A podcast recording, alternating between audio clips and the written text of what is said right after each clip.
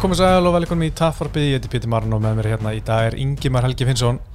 Blessaði Pítur Ingimar HF, það er hérna, við erum að taka upp í stúdíun á Baklandi Já, og hérna er gott að vera, ég var að tala um síðast að hérna eru sko podcast eins og styrkast að tala um, ta hann taka upp. Mm og frídeildin. -hmm. og svo var ég svona, að ég veit ekki neitt meira. En svo fatt að ég glemdi aða podcastunum sem er hérna okkar mönnum. Steve Dasgró, þeir eru að sjálfsög taka henni upp og, og ég, verðum nú að veikina ég hef ekki hlusta mikið á það en Nei. ég hort á sjónastættina sem þeir gerði hana fyrir stöðtöð Já, já, einmitt. Bæði hérna áramóta þáttin í fyrra. Bombuna einhverja. Já, mjög skemmtilegur. Mhm. og svo þegar við voru að fara svona. En þú hlusta á þáttin svolítið? Já, já, bara ég hlusta alltaf. Já, Þetta eru hérna miklir spekingar. Þetta eru hérna menn sem að auðvitað vita mikið um fótbolta en þeir ræða og lítið fótbolta. Það er er eitthvað svona fegur já, Dr. Fútból er auðvitað bara svona hardcore fótbolti og hérna, þetta einhvern veginn er meira menningaþáttur myndi ég að segja þetta er, eitthvað list sem að þeir, þeir eru að hitta á sko. Já. en uh, þetta er þáttu nummer 132 sko ég ætla að segja, við ætlum að taka upp hérna á miðvikudaginn. Mm aðeins fyrir í því, sko, helst væri best að taka upp sko á sunnudegi, jafnvel mánudegi eftir Já, svona stórt kart, þetta sko, er það er fresh. svona nótt, nótt að, nó, nóg að ræða, sko Ég held við náum því á nýja ári svona að vera meira enna current sko. það væri næs, sko, Mhm. við erum svolítið í gamla, og það er allir búin að gleyma sér núna, finnst mér, sko Já, þetta er samt svona kart sem að má alveg uh, veist, gera vel undir höfði þannig að já, þó að sé á föstegi þá er þetta samt gott content já ég, ég vona það allan Mhm.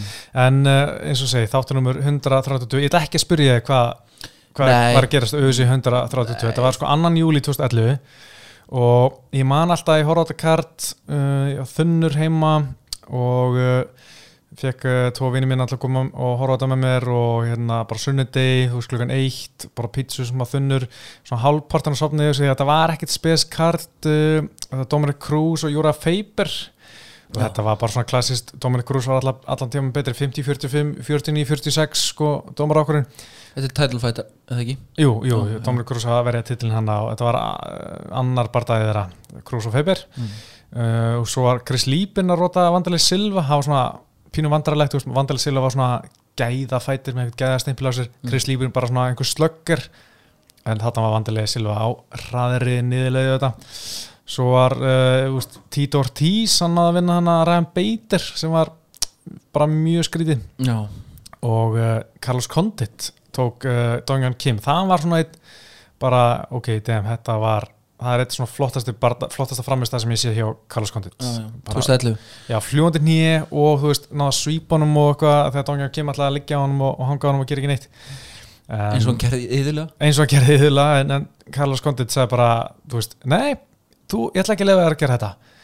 Og svípaði honum og tók svo fljúandi nýje og sko þetta var alltaf sem að vonast eftir að sjá Carlos Condit gera, þú veist, gegn bara, þú veist, þegar hann fór að mæta sem glímamennum á setni árum eins og Demi Maia og, mm. og hérna fleirum en það gekk ekki alltaf. Það var búið að taka svolítið úr honum Já, og líka DSB, þú veist, hann náði svolítið að á hann bara á Taran Woodley og, nei, Taran Woodley náttúrulega bara hamaraðan hann í fjörsið og eitthvað, en uh, sko, hann Halldór sem er stundum hérna, mm -hmm. hann vildi fá svona aðeins meiri juicy sögur, sögustund, Já, þannig að ég sagði, já, ég ætla, ég ætla að skoða máli og nú ætla ég að koma með eina, eina sögu sem var svona, var lengi vel svona örba mið en, en þetta er bara nokkuð veginn staðvist, var þegar sko þú mást þetta tvíburunum, Lil Nog og Big Nog mm -hmm. uh, einu sinni þegar Big Nog átt að keppa Pride þá var Lil Nog að þykjast vera Big Nog já.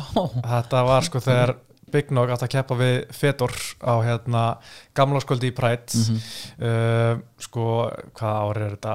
2004 bara main eventi, bara stærsti bara dagsins bara Mhm. Big Nog og mótið Fedor bara þvílitt hype, Pride Shockwave 2004 nema Big Nog sko hann eh, kann ekki að klukku, hann er svona alltaf á brasilískum tíma eins og sagt er. Alltaf seitt, missir af flugi sko, ég veit ekki hversu átt hann er alltaf oft mista flugi þegar hann er á seitt Mm og fyrir hennar bara, það mistar hann fluginu sinni til Japans, frá Brasilíu til Japans. Alltaf leiði bara græða annað flug nema það var eitthvað bara tölver senkur af því flugi og að það var stormur í Tókjó -hmm. og hann lendi sér sagt bara á gamla kvöld, bara þú veist. Hann er sko að lenda þegar kvöldi er að byrja í, í prætt sko.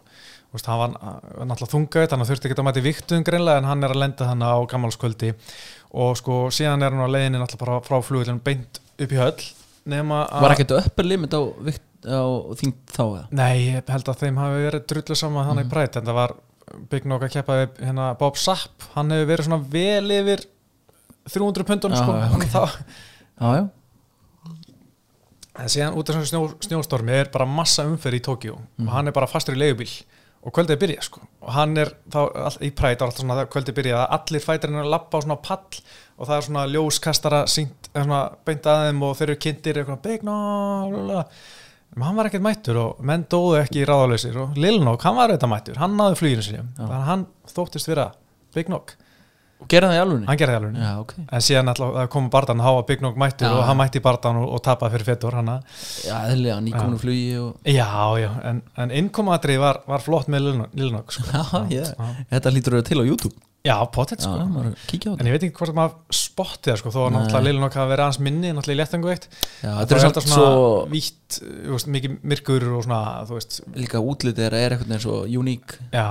svona er er að ég held að maður hefði ekkert spáðið ef maður veit ekki ekki, sko. En uh, sko árum fyrir maður að ræða karti hérna auðvitað 269 þá mm, langar mér svona að fara yfir nokkra punta Mhm. uh, Sko ég er orðin stressaði fyrir auðvitað London í mars Já, ég líka Það er náttúrulega að þú fylgist vel með fótbolta og það er verið að hætta við leikjum hægri vinstri í ennsku mm Mhm. úrstöldinni því að það eru smitt í liðunum og, og í þínu liði tóttinam Já. og, og allt þetta Mhm. uh, Það er að vera að tala um mögulega að hvað setja árandabanna eitthvað svo leis er eitthvað svona aðeins vera svona Já, ég hugsa að geta enda þannig. Þú, úst, þeir reyna auðvitað að sleppa við það í lengstu lög kannski fækka frekar heldur en að banna alveg Já. og taka upp einhverja grímuskyldu og eins og var. Um, vandamálið við að taka áhörundur af vellinum er auðvitað bara að teki, reysa tekjutapu auðvitað fyrir klúbana og þessi klúbar á orðin fyrir svo miklu tekjutapi að, að hérna, ég held að vera reynd að þá dempa höggið einhvern veginn, ég held Mm. að áhörundur vera ekki alveg bannaðir. Ég, þetta er auðvitað bara fabulering hjá mér. Um, en eins og er þá er bara leikir að droppa hingað þanga sko. Þetta er ekki eitthvað sem auðvitað vil heyra sko. Nei, að menn sé að sé mögulega svona áhóranda skerðing. Nei og mér, mér, þú veist kvöldir sem átti að vera í hvað ágúst uppalega í London sem að var auðvitað frestað að september hérna, já. september já, Já. þá hérna þá var staðan meira sér betri en hún verður held Mm. í mars því að ég var að lesa svona spár uh, nokkur spáli líkun fyrir næstu mánuði í Breitlandi og, og með að við þetta, hvað heitir þetta, Omikron Eh, Omikron já, það hérna það ætti að ná helviti mörgum Já, já, uh, þó sé vægara þá náttúrulega þegar að x fjöldi færi þetta þá er alltaf einhver sem veikist alveg og, já, já. Og þeir telja að þetta mun ná það mörgum að það veri meira, meira álag á heilbæriskerfinu heldur en þegar delta var. Já, já, það náði færrum en, en Mm. var alvarlega hérna, afbrið Já, var náttúrulega voru meiri skerðingar í fyrra. Eða svona, veist, í fyrri hluta ársallan heldur, en- heldur en eru núna að en þú veist við, ég stressaður sko ég að, að þetta verði ekki að því að sko þeir hafa heldur ekki staðfest neitt þú veist sjálfur, nei, þetta er aldrei verið staðfestu hugsi og það var sama með september, september kartið hana í London. Mhm. þeir staðfestu aldrei svo alltaf bara herru að þetta verður í Apexum í Las Vegas. Já, ég er hættur um að þetta þar. þannig sko. Ég held reyndar að ég ætla að vera meira í Abu Dhabi á þessu ári eða næsta ári held, held ég held, Heldur núna. síðasta af því að sko núna er bara bandaríkin komið með þá stefni þú kemst ekki inn í landin ef maður sett bólusettur. Mm, og eða hvort það sé sko þú mátt ekki keppa í neinum íþróttum bara öllum deildunum nema sett bólusettur Já, já. og það er svona eins og er í körfunni það eru nokkrir sem sita bara á hliðalínu þar. Já, já, Kari Örving til að mynda. Já, ok. Sem er þú veist, ég veit ekki top 10, top 15 leikmæri tildinni eða eitthvað, nú þekki körubaltan ekki alveg nógu vel en hann hefur bara setið á, á hliðalínu já, það er svakalegt sko. Já, Já, ég held reyndar að, já, hvort þú komst ekki inn í landin ef maður sett bólusettur og þá er auðvitað svona að, herri, ekki. Einmitt nei, já, þú og far, farið á frekar á Abu Dhabi þar sem bara, þú veist þeir eru á það lögum já, já. já, einmitt, mér, mér hefur reynda fundist þessi Abu Dhabi kört fárlega vel hefnu og hérna, þannig að það er allt í ofta góð góðan tíma. Já, ofta góðum tíma uh, fyrir Evrumarkaðin Mhm. þannig að hérna, ég held að það sé nú bara jákvætt. Já, ég var ekkert byrjaður sko. en leðilegt með London því að ég var farin að teikna upp Tottenham leik og, og. Gunna. já, og að það er ennþá á teikniborinu en hérna maður verður bara að býða og sjá. Já, vonum að þetta verði ekki hérna. Mér er alveg sama, þú veist, kannski ekki alveg sama en, en sko, ef þetta kart verður eða verður ekki, ég vil bara sjá Gunna í búrunu í mars Mm. já, bara, either way, hvar, í hvar sem er. já, veist, já, og- því, þó að verði bara fætnætt í einhverju krumma í bandaríkjum Já, ég bara let's go. Veist, Abu Dhabi eða eitthvað, veist, ég er alveg til að fara þangað sko. hann er bólusettur, þannig að það ætti ekki vera vandamál. að, hérna, já, Ímas Já, en uh, sko FC, þeir, við vorum aðeins að svona gaggrina á síðustu viku fyrir Mhm. að setja enna uh, Bigfoot Silva á móti kickboxarunum Tyran Spong. Já, af því að kickbox hérna, Silva, hann Bigfoot Silva hann er búin að rota þér sko sexinum í síðustu sjöpartum þá er ég að tala um berinn okkur boxing líka Mhm. og kickbox og þetta, hann er ekkit hann á ekkit vera að berjast þessa dagana en það er búið að henda hann út úr meini í höttinu já, hann ætti náttúrulega aldrei að berjast aftur Nei. Hann má glíma, hann keppa á einhverju glímumótum sko, en, Mhm. en hann, hann vantar örgulega auður sko. en Já. svo sá ég reyndar að hennar, já, hann, sem sagt, var hend út og Sergi Karatanov er komin í staðin Ok. nema hvað Bigfoot Silva segir ég veit ekki okkur ég er ekki lengur meinivend I have no idea hann var jafn hissa á þessu og allar aðrir að hann var ekki lengur meinivend ég maður ætti kannski bara að senda honum e-mail láta á vita. Já, ég held það sko. Hann segir, ég veit, það var enginn frá Ígulösi sem hafði samband við mig. Mm. henni sá þetta bara á Twitter Já, að Karatanov var komin inn. Ok, Það er bara vel gert hjá Khabib að hérna, bara fagmannlegt að gera það, nei, en um, sko uh, Khabib hann er líka búin að segja með Kevin Lee, já, sótti hann. Borgunum í bitcoin já, það, já, Ok. svo það það er vel gert hann er vist eitthvað djúpur í hérna krypto, hann Ok. okay. Lee búin að fjárfesta Já, mikið já. í krypto og Eagle FC mun borgunum í krypto já, það er bara flott sko. Uh, en svo var uh, Khabib, hann ætlar að vera með sko 165 pund já, ég er ánað með það hvað er það aftur, super middleweight nei, hvað er mm, ég hvað hef heitir örugglega- þetta aftur? uh, Super Lightweight super kannski? lightweight, já, meina ég. Því Þetta er einmitt á milli lightweight og velteweight sko. já, já, já. Þannig að er margir búin að kalla eftir þessu að USA hendi 165 pundum og breyti veltuviktinni úr 170 í 175 já, já. sem væri bara það myndi en 100% USA hefur bara alltaf bara nei, við gerum einhver breytingar hérna. Nei, nei, nei, hann hefur einhvern veginn alveg römpist að það alltaf að deina þegar að tala er best að þessu. Það er svona flokkur sem ég var að maður var að býða eftir upp á gunna að gera. Já, já, það hefur verið sko. perfekt hann. En það var áhvert að sjá hvernig þetta mun spilast þannig á Eagle FC um, Svo er KSVF á, í Pólandi, þeir eru með stórt kvöldumorgun það, Það er á Viaplay, það er spennandi. Já, beinni á og Tveir, tveir sem var svo ógæður go eða ekki? Eru þeir ekki báðir Í- er menn í vendinu Nei, sko meini myndi er hérna hann hérna Makbet Kaladov hann er náttúrulega sko bara herra hérna herra KSVF sko. Mm. Kaladov og Soldits en Soldits uh, sko hann er búin að tapa fyrir hann eh, held ég einu sinni áður sko Sol, Nú, ok. Soldits er 19-3 og Kaladov sko 35-7 en það er um, það er einhver, einhver núl sem þurfa að fara hana í, á prílum sko. Já, var að ég, ég var náttúrulega fullur í Dublina sko. Já, þú varst það sko.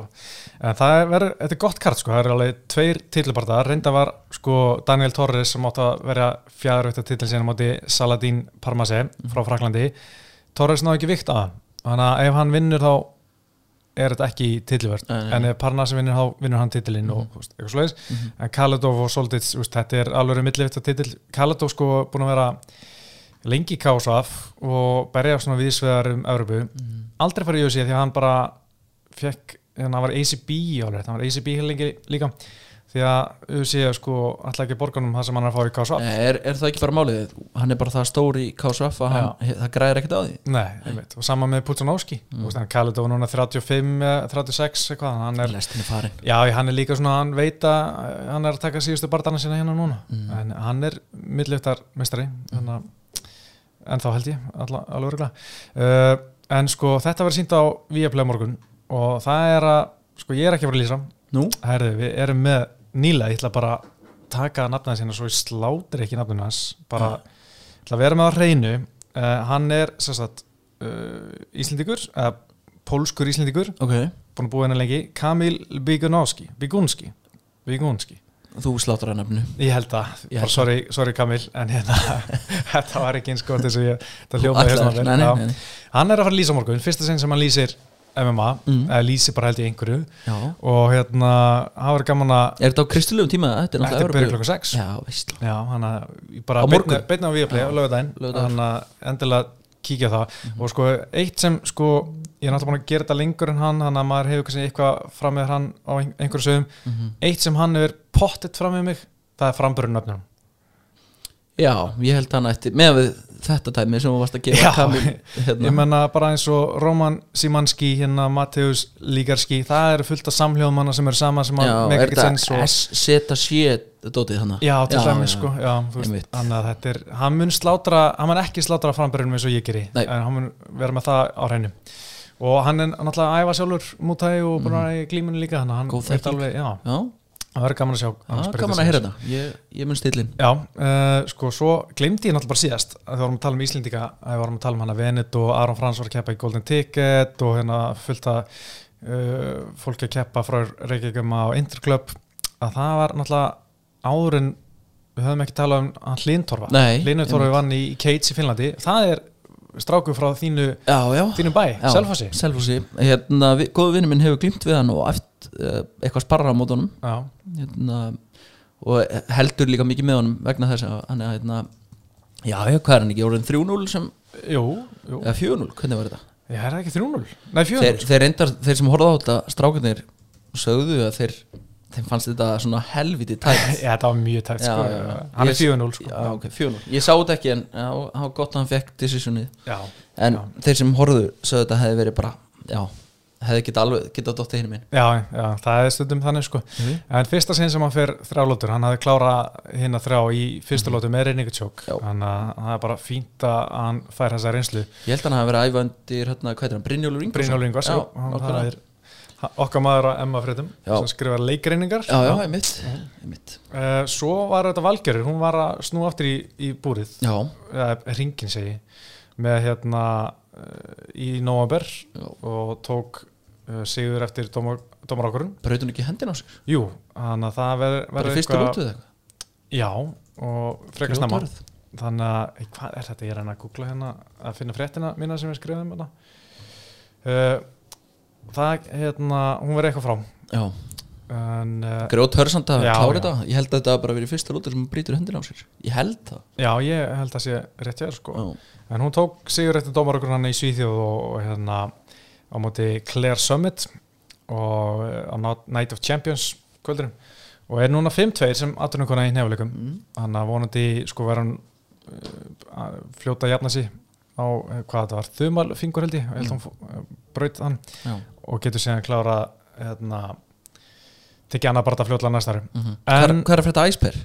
af Kolla, Kolla. Herði, ég hef ekkert hann lengi sko Nei, nei. en náttúrulega hann, það er að koma meir en ár sem hann hann bara síðast í janúar hann Já, við þurfum að fara að fá fæt þar er að tala um janúar 2020 þetta var fyrir COVID sko. Nei, var, nei, var, það var hösti 2020 mm. það er meir en ár síðan við þurfum að fá hann í búri, nei, ringin aftur. Já, herru, tölum núna um karti. Já. sko, árum fyrir að tala um karti þá var þetta geggja kart. Mm en ég verð að segja hversu lélega spámenn voru já, við strákunni, ekki þú, þú byrti nú ekki þína spá hana formulega, Nei, en sko ég var með eitt réttan af fimm á megin á minn kartinu, Og það var Suga, Sjón Suga það var nefnilega það sko. Já, það ég var eina sem ég rétt sko. já, sko ég, sko, og ég held að við höfum allir verið svo sammála um þetta Mhm. þannig að við vorum allir svo við höfum allir sko sjónamali, Mhm. ok, Ella sem allir Koti Garband, hræðilegt mm. sem allir Santiago Ponson í bjó ég held að bara, veit ekki okkur úst, mér það að vera mest 50-50 barndæm Já, sko, já, já. fyrirfram. Sem hann var líka já, kannski var, í raun. var, var alveg jafn sko en í, kannski var þessi ölfunakstur hjá Jeff Neela örglamenn sko, Já, það, ég veit ekki. Auðvitað sögðu allir Amanda Núnes Anna hefði verið fáralegt Já, já. vorum að segja það.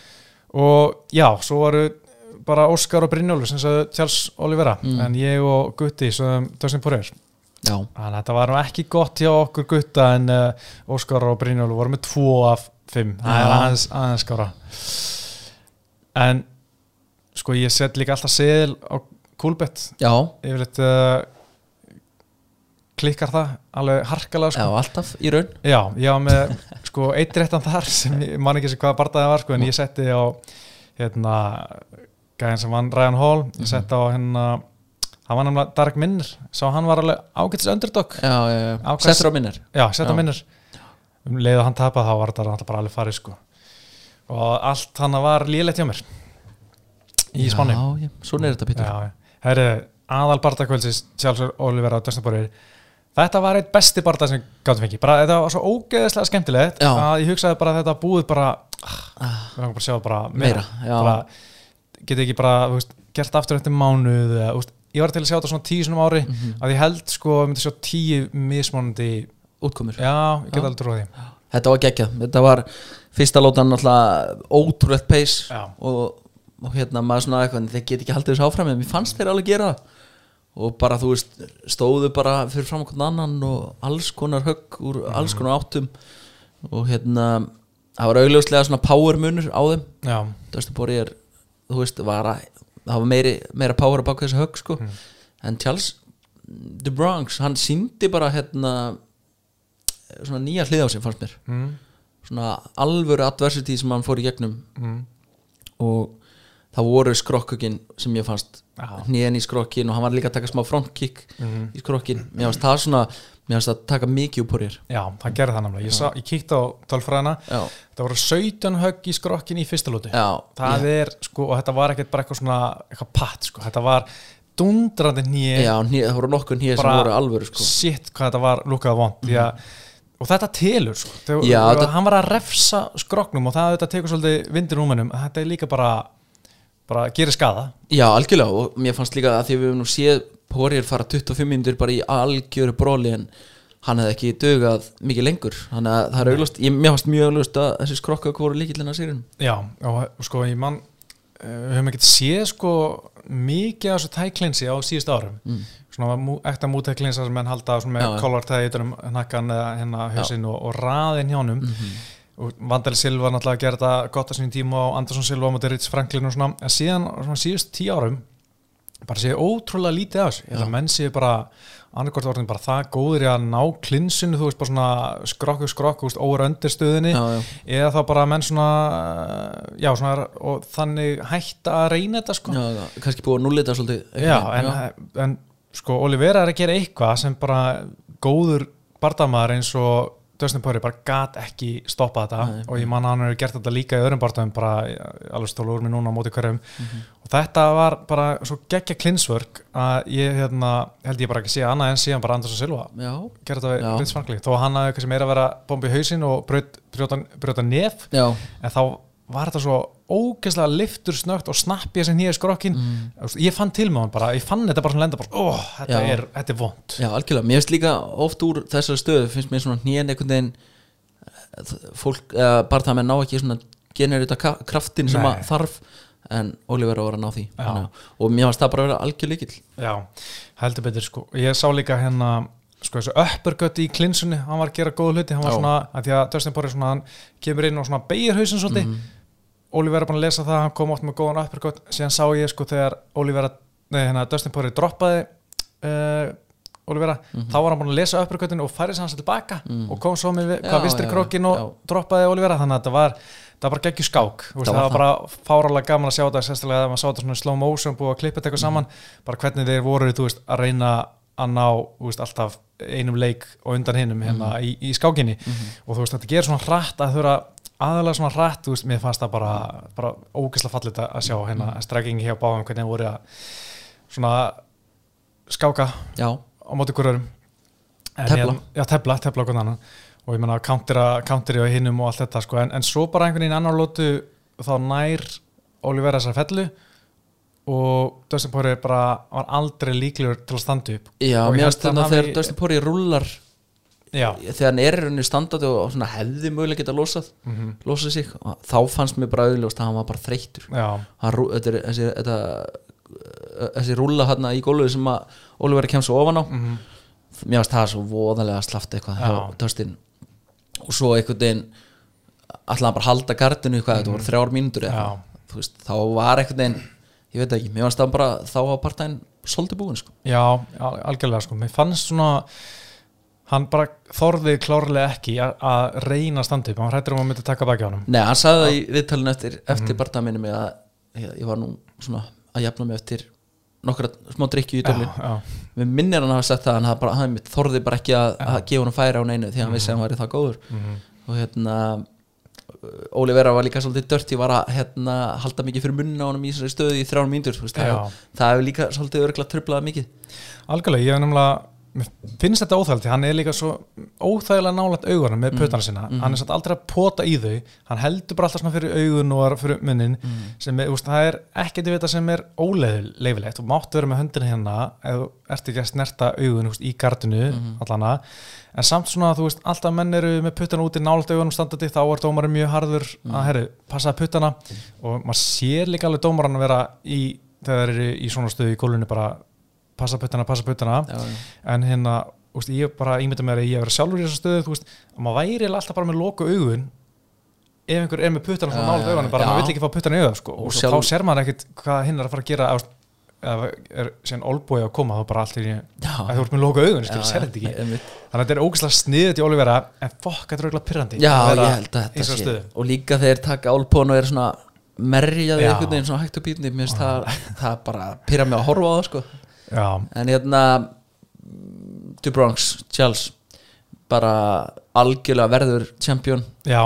Og sérstaklega taka Dustin af því að Dustin er með svo rosalegt CV mhm, að þetta svona er þetta er reisastór sigur. Já, og svona þú veist það voru svona dátir sann úti sko. Mhm. Ég- ég, ég er bara, var 100% það Já, sko.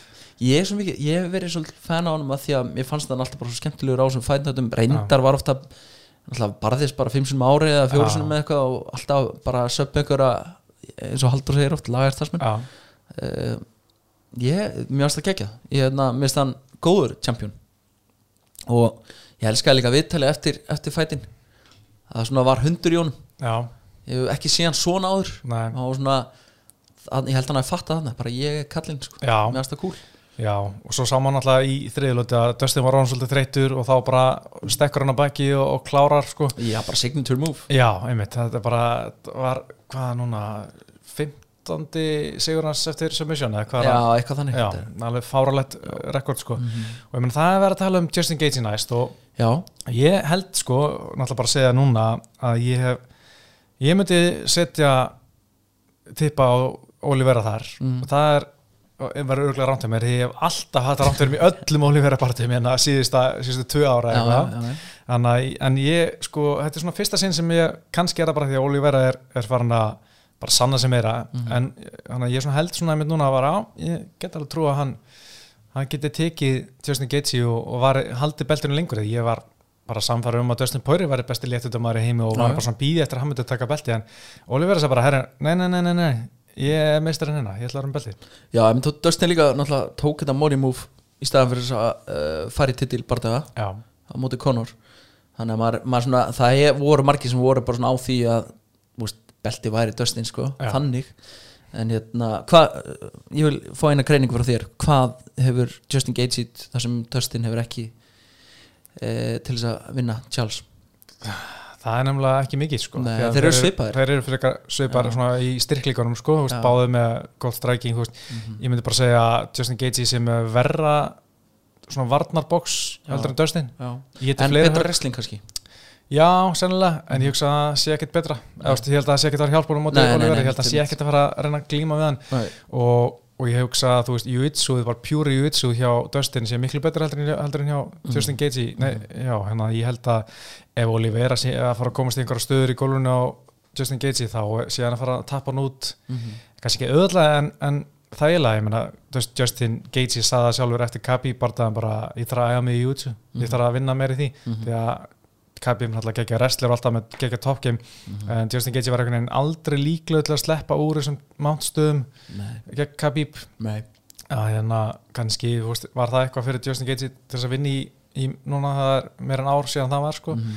en mér finnst bara svona Charles Oliveira bara svona henda sko, að því hann er, hann er meiri hundri honum núna, hann er ekki að hann er ekki eins viðkomur eins og við heldum alltaf að þú veist, hann bara bókni undan skilju Nei, hann er einhvern veginn svona brotist að einhverju skeið Já, sko. einmitt, þannig ég hugsa að sko, úst, ef þetta fer út í þriði fjórulóti, þá auðvitað myndi ég halda að Justin Gaethje var líklegri, Mhm. en ég held að þetta bara fara ekki þangað, ég held bara að Já. Oliveira klára hann bara í fyrstu og annar Inside two Já. Já, já. þannig að hann bara geggjar annar lóti núna Mhm. síðustu árin, sko, þannig að önnur lóta er hans Já, þetta er, veist, Chelsea er bara svolítið underrated, það, það verður bara að segjast. Já. sérstaklega fyrir þennan fætt þá var hann, var, var hann auðvitað en svona, ég held að hann hafi nú fengið smá respekt eftir þetta. Ég held það sko, ég meina eins og sagðir, fyrir skráan hjá Dustin Poirier er klikkuð Mhm. og núna er Olivera búin að vinna þann gæði sko. skemmtilegu líka fætt sem er í bíkja núna Nate Dustin. Já, einmitt. Sem það, að varð bara til einhvern veginn ég held að það hef verið það er svona breskur indveri held ég Chatmar Sandu, Já. ég er búin að followa hann í mörg ár hann einhvern veginn, þetta byrjaði þar sko, mér finnst það heldur cool hann hérna sagði, mér minna hann hafi bara twittað að bara þe- þessi fight var svo skemmtilegur one that got away og, og og eftir það þá, þá, þá engageðu þeir báðir einhvern veginn Já. eru bara bara að tala um að berja strax í janúar sko. já, einmitt mér finnst sko. það cool já, það er skemmtilegt sko, því að þeir áttu náttúrulega að mætast í léttvitt í hérna, hvað, 2018 mm. -hmm. Mattisson Square Garden hérna fyrir COVID eitthvað, þá hérna en þá var í einu, samningar voru einu bara ekki undir þetta við NDS, Já. það er alltaf eitthvað vesen náttúrulega með það, Dustin Poirier var eitthvað glímum meðslösa bara herrin en ekki betur sér, ég ætla að fara í hérna mjama aðgerð sko, já, já, og svo bara hvernig var ekkit úr þessu en, en núna náttúrulega Nate segist þér að velti þetta maður, hann að til maður, þannig ég held að þessi bara að vera í velti á næsta ári og Dustin, sko hann var líka að tala um hérna í M ára að þú veist, hann var ekki viss hvort hann vilji ganga aftur í gegnum þetta kött sko, Nei, en þó að það sé ekki brútal kött var það samt, veist, hann er svangur í átta vikur. Já, já. Veist, það er ekkert skemmtilegt. það er ekki gaman, veist, ég hef það hafa allir þess þetta sko, hann er búin að sanna sig í, í, í veltaveitu já, ég letið já, Já. ég er að meina það. Já, hann, hann hérna- alltaf að tala um að, þú veist vil ég gera þetta tvisvar jafnvel þrísar viðbútt til þess að fá titilin titilbarta aftur, Mhm. annars er svo honum, veist, ég veit það ekki. Nei. og það er engi barta sem svona er að heilla mig nema NTS já, já, þannig að það er megasens, en, en með kötti sko, þú veist, að vera svangur svona lengi þú veist, það kannast allir við það að vera, þú veist upplengra daga sem er bara lítið. En það kemur alltaf að þú getur bara pantað pönnupítsu skiljur. Já, og ert bara sattur skiljur bara sáttur. Já, bara Já. sáttur, en þegar þú ert svona í 6 til 8 vikur, bara alltaf svona bara borða svo litla skamt, ert alltaf bara smá svangur. Það er svo leiðilegt já, já, maður er ósáttur ef maður er svangur í korter. Þannig að hérna, átta vikur er allt, allt önnur ella. Þú veist sem mesti neittíðar sem á landinu ég held ég geti fullir það þá hérna þá er ekkert voðalega bjart sín ég, ég held að gæti orðið, þetta geti orðið ljótt. Já, þetta verður öruglega 5 lótu bara það þetta verður ekki meini sko. algjörlega pottitt ég held að neittíðars fái það alltaf í gegn. Já, já, hann er nýtlmúur já, eins og uh, Deina hefur sagt. Þannig að Já. hérna ég var alveg til að sjá þetta á 270 bara já, í januar. Já, ég ætla að segja 271 já, gefa febrúar? Dustin aðeins smá pásu. Já, já, en hann Dustin náttúrulega sagði ég skal berjast við núna bara í desember sko. en ekki það, það er náttúrulega orðin einn tóm en já, já. ég hérna, hvað er, býtið 270 er það ekki eh, Engano, Cyril og, og svo Flyweight strákarnir? Það væri rosalegt að fá hann partaða sem þriðja fætt, fimm, fimm lótur já ég, ég er að horfa á hérna 271 sko, það er februar Mm. það er að Sanja Vittekir sko, þetta er í, í Houston. Ok, henda, veist, það er engin annar til að koma þar sko, þannig að hann er alltaf búið að færa Jared Cannonier og Derek Bronson á þetta kart sko, þannig að það var tveir svona 270, 271 272 já, Nei, 271 sí, Já, já. en að- þannig að það verður svona millivittar slagar hana Mhm. henda í hérna neitt díastöksi porið þarna í komin event sko, mm. ég held að það verður ég verður held að þetta sko. sé bara svona þetta verður moneyfætt fyrir báða náttúrulega Dustin, Já, Dustin er farin að fá alveg peninga í Já. síðunu þannig að ég held að ég held að þetta var auðvöldu fætt fyrir Dustin mm og, hvað, og vel borgað já, já, ég er spenntur fyrir hérna að sjá þetta gerast Mhm. ég er ánæður að sko neitt días sé ekki fara að fá hamsat eins og var ekki að tala um, það Nei. hefði verið leiðilegt. Já, það veit ég- allir að hamsat hefði bara pakkað hann saman í gólfinu og eitthvað. Nei, ég er náttúrulega ég er, ég er romantíkar en ég er samt líka raunsær og hérna ég er alltaf ég er bara eftir að neitt fara að svona droppa væntingunum á, á hérna opponentana. Já, og þú veist, ég vil sjá hann bara berast í Tony Ferguson og, og Anthony Pettis náttúrulega Anthony Pettis búin að vinna hann. Já, en einhverju svona gaur sem að hérna að því hann er, hann er nafn og þú veist, mun alltaf draga að. Mhm. að ég vil sjá hann í einhverju svona fætir sem hann getur unnið. Já, og ef hann er fær fætir svo mótið Líón þú ert búin að vankan fara þá að klára hann, ekki vera hérna. En þú veist, það er það sem ég elska við hann þetta, þetta attitút sko. Já, já. nefnilega uh, hvað heldur að Habib Nurmagomedov hafi verið að hugsa þegar hann horfði á þetta? Heldur að það verið eitthvað svona um helgina, já, já, var alveg það hefði nú verið gaman að mæta Olivera. Heldur að hann sé bara já, kannski en hann er ekkert að fara að koma áttur nei, nei. hann er bara búin promóter og Já, þú veist, ég held að það sé svona síðast í naglingin kistuna ef ekki segja það? Að vera promóter já, Ég, myndi segja, ég myndi segja að það væri svona eitthvað sem var svona alveg útilökar og hann er alltaf að stækka og stækka og ég held að það sé bara nóg að gera í þessu í honum. Já, stækka stækka líka þingdalega Já, virka já, bara svona já. svolítið puffi í framann og já, svona. já, hann er, hann er að borða meira núna Já. og hérna, æfa minna öruglega og já, svo kemur Ramadan næsta ára þá kannski trimmast já. en já, ég, þú veist, það var draumur að fá Khabib aftur. Auðvitað, eitt stæðsti Khabib maður á landinu. Uh, en ég sé það ekki gerast. Nei, ég veit sko, það er alltaf sko, en Olivera, Khabib hefði getað orðið frábær bara. Já, ég held samt alveg að maður með ekki gleyma sér í einhvers svona recency bias, ég held að Khabib hefði bara Khabib að hann sko, já, en já, það hefði samt verið mjög áverð matchup sko, af því að Já. er bara svona veist, þetta er svona sama pælingu með Tony Ferguson barðan sko, Mhm. þú veist, nema bara Oliver er með svona bara miklu betra bottom game heldur en Tony Ferguson. Já, þú veist, að og þetta Dustin Poirier, hérna gilotín á Khabib, þú veist, það gaf mönnum alveg von sko, já, ég sá einhvern segja sko, þú veist, að Khabib gefur guillotine for free. Já, þú veist, að bjóða Olivera eitthvað svoleiðis en þú veist, þeir myndi þá bara passa það. Já, maður myndi held að það Eh, maður heldur einhvern veginn að gæðin í kampinu og hjá Khabib einhvern veginn þeir myndi bara vita þessu og þú veist, þetta er ekki búið á móti honum kannski eða eitthvað þannig. Sko. en ég, jú, ég Khabib hef, hef smassan. Já, ég held það líka. Herðu, næsti bardagi var eða svona næst síðasti bardagkvöldis það var, voru óvandi hlutur að gerast. Þetta að hann var manda núna svo Juliana Penja veist, og við hefum sko svo lengi talað um fyrst mér svona, ég er svona smá eða bara að býða eftir þessu Mm. að það, það sem kemur eitthvað svona áskorandi í sko hann að geta Valentín í Sesengo eða einmitt Amanda Nunes. Við erum að tala um bara hún á ekki séðins, hún á ekki séðins og það kemur eitthvað svona óvænt þar sem, við, þar sem allir eru bara svona what the hell, hvað var þetta? Já, þetta var svona, svona sjokkarandi mm veist, ég var alltaf að hugsa svona veist, maður hugsa svona eftir á veist, var, allir, veist, var ég að tala of mikið niður til veist, Laura Murphy. Var ég kannski ekki að gefa hún námið kredit áður en barðan byrjar svo sér maður bara svona, nei ok, Nei, hún nei, á ekki já. séns. Laura Murphy til dæmis átti ekki. Og þú veist, mér finnst meiri sé að við höfum alltaf afgreitt þessa bardaði, ég hef nú komið að nörgla 20 sinni með eitthvað, mér finnst alltaf afgreiða uh, anstæðinga Valentínu og að möndu bara sem þetta er bara hundamatur þú veist, fyrir þær. Einmitt.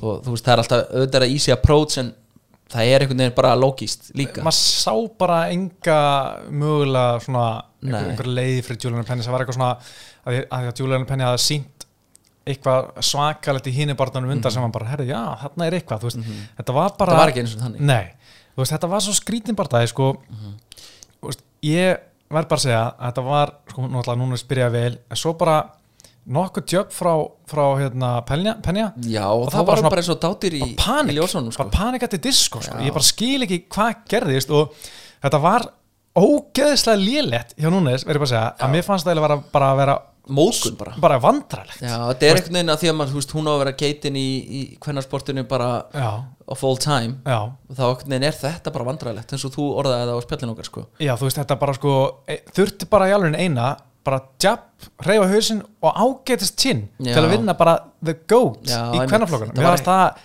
bara svona neyðalegt það var bara svona nitti gritt í dæmi og nokkuð jab sem að, veist, mér finnst þetta eins og powerið hjá hann ekkert eitthvað eða þú veist að lúka þannig, maður svona, þetta, hefur ekki fundið svona.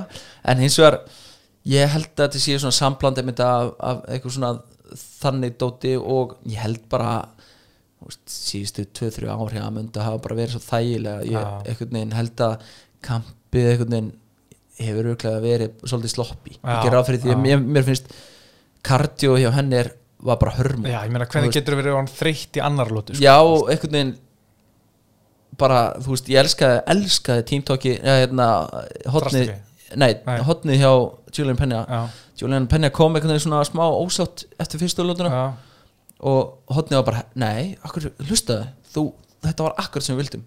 Veist, þetta er planið okkar bara að láta hann að vinna, þeir hafa potið satsa á það, hún kæmi bara ekkert með eitthvað brjála kartíu í já, eftir eitthvað skýta hérna kamp. Já.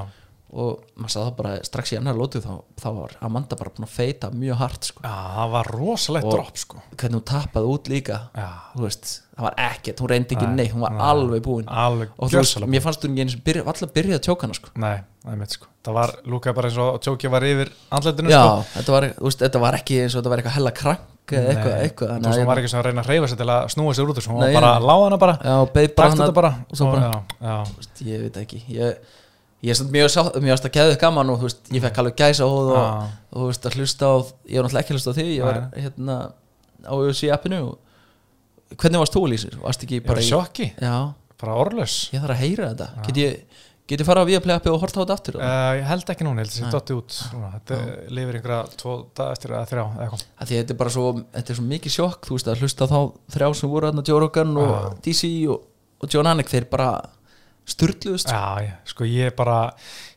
mér, við höfum oft talað um þetta að vera þannig að þóli hjá núnes hefur oft verið já. og svona, að húst hún þreytist þannig í barndæmistundum en svo komið bardar á móti hérna Raquel Pennington sem fór fimmlótur og Jeremy Randami fór fimmlótur. Og svona kannski Jeremy Randami svona smávesinn hann í síðustu fimmlótunum en samt ekkert eitthvað svona ekkert að gasa sko, þú veist. Og Felicia Spencer, fimmlótur Mm. ekkert mál, hann að maður svona held kannski ég var bara að vinna að buga á þessum uh, þessu vandamáli. Mm, en þetta voru náttúrulega tveir af þessum fimmlóti barndum hann verið sko einhverja þessum fimmlóti barndum segi í fjæðurvitt mm, kannski ekki eh, kötti að tröfla hann þar, ég veit ekki. Mm, en maður svona held svona smá að þetta væri vandamál sem var á sögun og væri bara að bæta þólið þannig eitthvað. Mm. en Mér- samt svona voru tala um hérna eini sensin var hún Penny að vera að þreita núnis Já, já. og svo bara þreytist hún í annar lótu. Ég held líka að þetta hefði verið svolítið ég veit bara panik að því að hún var ekki við stjórn. Mm Mhm. hún bara eins og maður Katsingano þá gasar hún hana í annar lótu og Katsingano byrjar að snúa tablunum við og rústar henni í þriðalótu með, með hérna tíkjó það sem er bara föst. Mér finnst svona smá svona eins og hún var einhvern veginn bara ég held að þetta er þægilegt og svo var þetta óþægilegt, bara gott jafn og hún var svona smá ringluð og þá bara byrjar hún ofenda bara panik og hérna og þá krassa hún svona harkalega bara í, í, með þólið og hérna og það pyrra mig líka mjög mikið að sjá að Núnes var að henda í 1-2 Mhm. allan tíma veist, og alltaf var jabbi hjá Penny að hitta því hún reyði hausinn smá Já, til legar já, já. reyði hausinn smá til legar fekk ekki tvistin í sig og ef hún fekk tvistin í sig frá Núnes bara ná hann að labba gegnum að því að powerið var farið. Já, mér ástu mynd það var mjög augljóst að hún var ekki lengur hætt við högginunar já, og þú veist kannski byrjun, þú veist, þá náttúrulega fyrsta höggið, hún bara reynir svo í gólfið og já, þú veist, þá fatt þú veist, þetta, maður sé þetta gera svo oft bara, það er bara, þær eru bara stöng, þú bara, wow, þetta báður, ég aldrei fundið þetta á Nei. í einhverjum öðrum fætt, sko en, en maður sá það svona að Penja var ekkert lengur hætt við, við höggin, að, að taka það eins á, á sig, sko já, en mér hefur líka fundist mm, núna er veginn að því að það hefur alltaf verið þetta spurningamerki við kardió sko.